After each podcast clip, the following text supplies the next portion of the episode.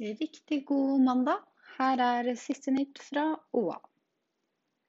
Hittil i år er det registrert over 15 000 brudd på arbeidsmiljøloven i kommunene i Gjøvik-regionen.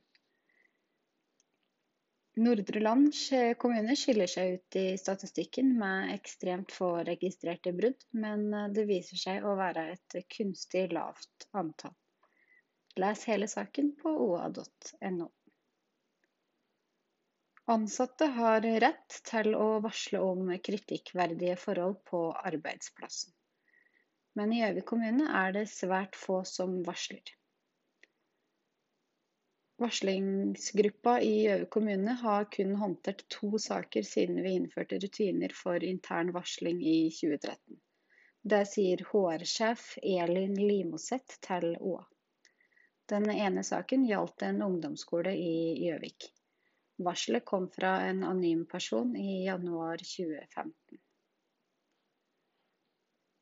Det er meldt eh, mye nedbør eh, mandag og tirsdag, og de som bor over 300-400 meters høyde kan vente alt i form av snø. Meteorologisk institutt har sendt ut gult farevarsel for østlige strøk av Agder, Telemark, Buskerud og høyere strøk i Oppland. Starten på uka vil være preget av lavtrykksaktivitet, og det gir en del nedbør både, i, eh, både på mandag og store deler av tirsdagen. Da begynner nok nedbøren som snø, før det sannsynligvis går over til regn.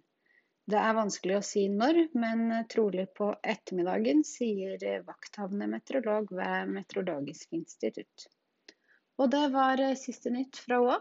Ha en fortsatt fin mandag.